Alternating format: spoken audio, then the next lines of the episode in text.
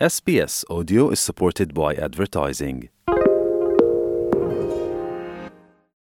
Vi ste uz SBS na srpskom.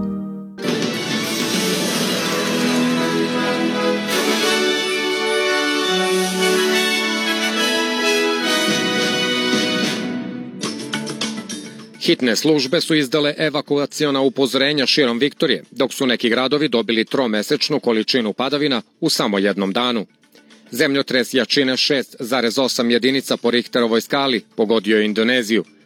Demonstranti koji pozivaju na prekid vatre u Gazi su juče prekinuli govor predsednika Joe Bidena.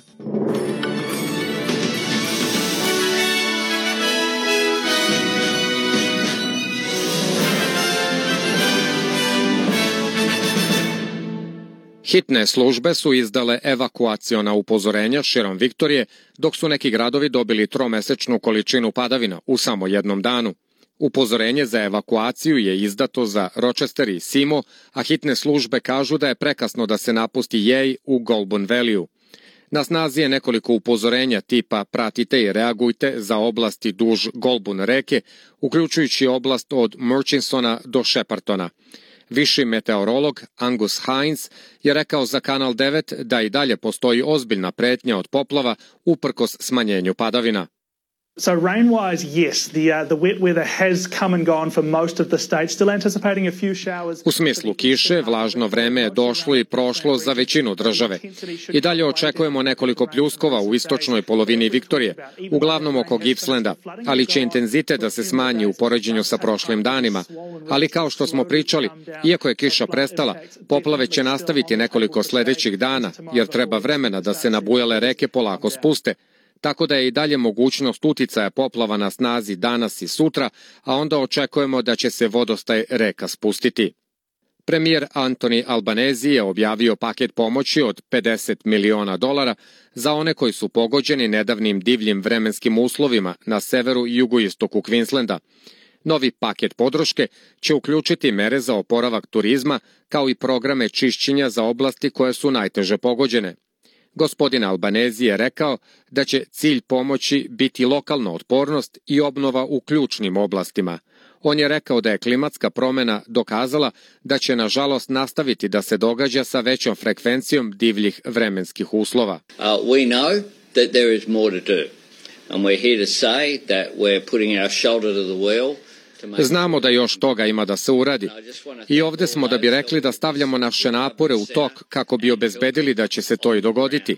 I samo želim da se zahvalim svima onima koji pomažu u Centru za oporavak i koji pomažu na tlu u jugoistočnom Queenslandu i što čine ogromnu razliku u životima ljudi.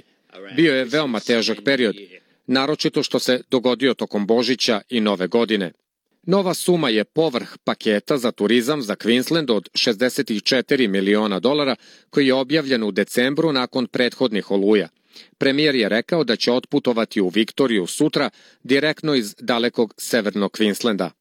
Vlada Severne teritorije će lobirati Commonwealth da opet uspostavi samostalne centralno-australijske pravne usluge nakon značajnog pada u sistemu – Advokati su odleteli iz Darvina kako bi pružili podršku u Alice Springsu i obezbedili da aboriđani dobiju pravnu podršku. Severno-australijske aboriđanske pravne usluge su preuzele ulogu principijalnog pravnog tela u centralnoj Australiji pre oko šest godina, ali su od tada doživele prolongirane pravne rasprave i značajan gubitak osoblja. Opšti pravobranilac teritorije Chancy Peik kaže da će lobirati federalne kolege za rešenje u centralnoj Australiji kao i finansiranje bazirano na potrebi. Um, um,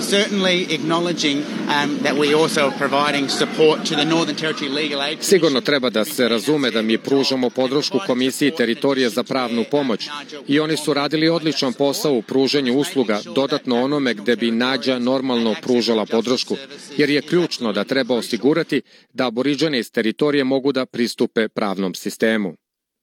Zemljotres jačine 6,8 jedinica po Richterovoj skali pogodio je Indoneziju, saopštio je Evropski mediteranski seizmološki centar. Zemljotres je pogodio okolinu ostrva Tauland na severoistoku Indonezije, preneo je Reuters. Potres je zabeležen na dubini od 91 km, nema izveštaja o materijalnoj šteti i povređenima, Američke vlasti su saopštile da nije izdato upozorenje za tsunami. Francuska premijerka Elizabeth Born podnela je ostavku nakon gotovo dve godine na toj funkciji. Predsednik Francuske Emmanuel Macron joj se zahvalio na radu i zalaganju. Bornova će obavljati dužnost premijera do imenovanja nove vlade. Sukob Izraela i Hamasa je ušao u 93. dan.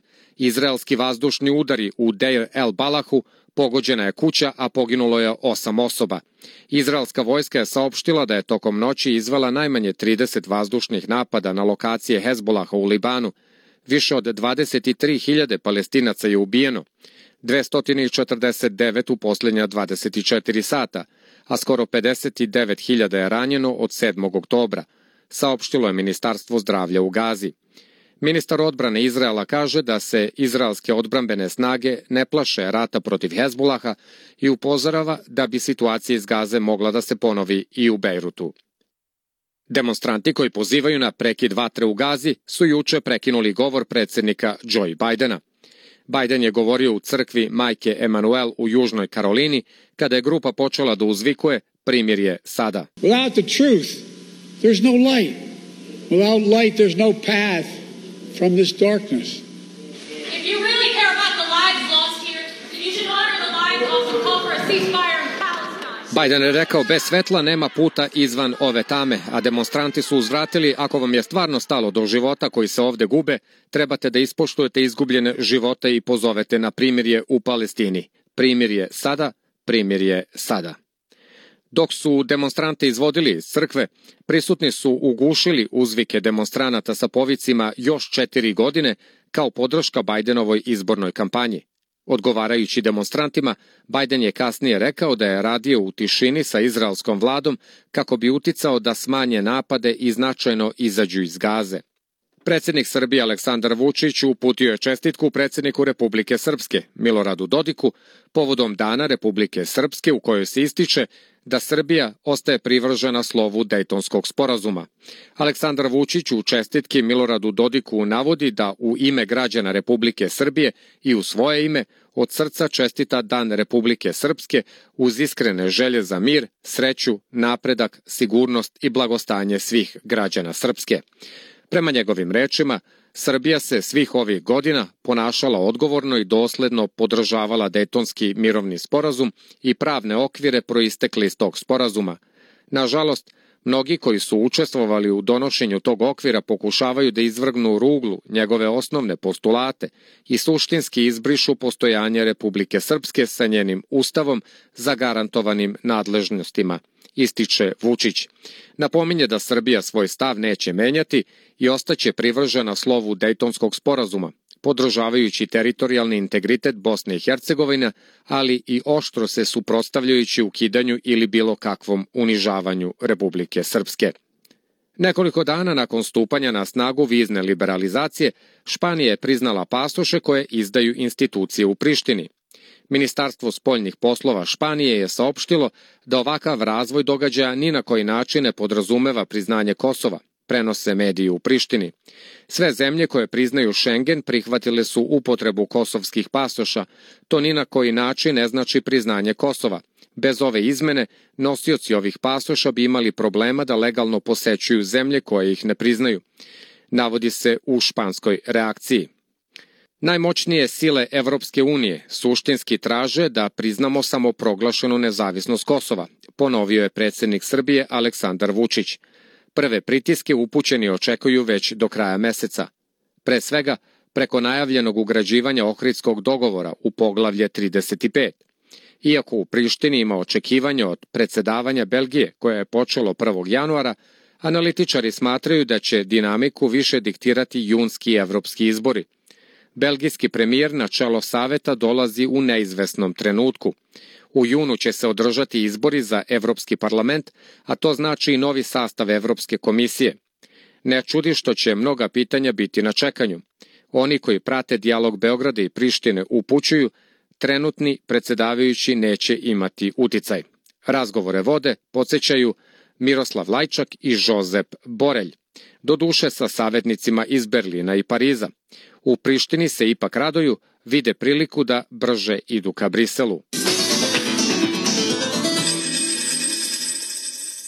Jedan australijski dolar na svetskom ekonomskom tržištu danas vredi 0,67 američkih dolara, 0,61 evro, 0,53 britanske funte i 71,89 srpskih dinara.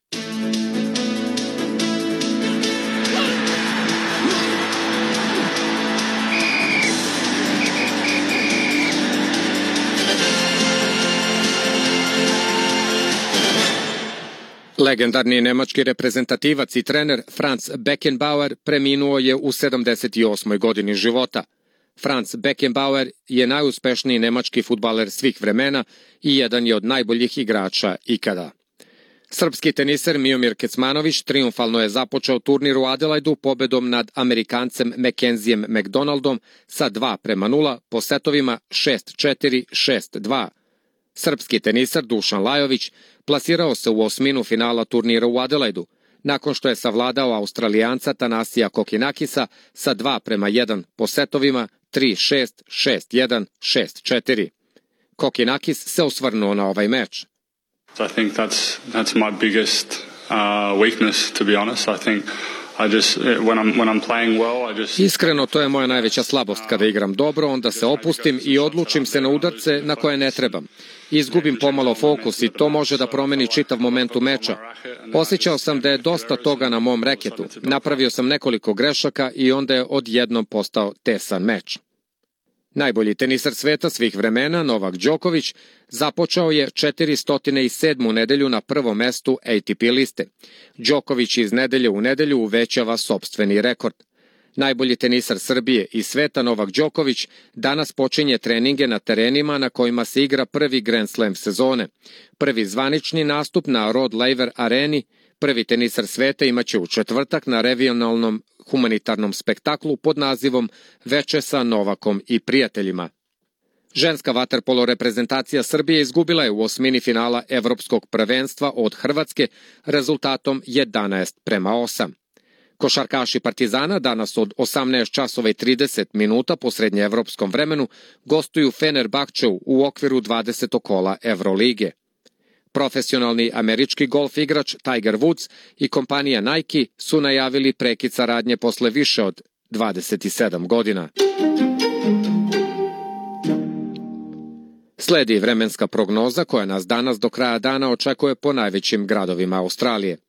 U Sidneju 27 stepeni i povremene padavine, u Melbourneu 25 stepeni i delimično oblačno, u Brisbaneu 30 stepeni i povremeni pljuskovi, u Pertu 33 stepena, vetrovito i sunčano, u Adelaidu 25 stepeni i oblačno vreme, u Hobartu 22 stepena i delimično oblačno, u Kamberi 26 stepeni i pljuskovi i u Darwinu 32 stepena, kiša i moguća oluja. Ovo su bile vesti SBS programa.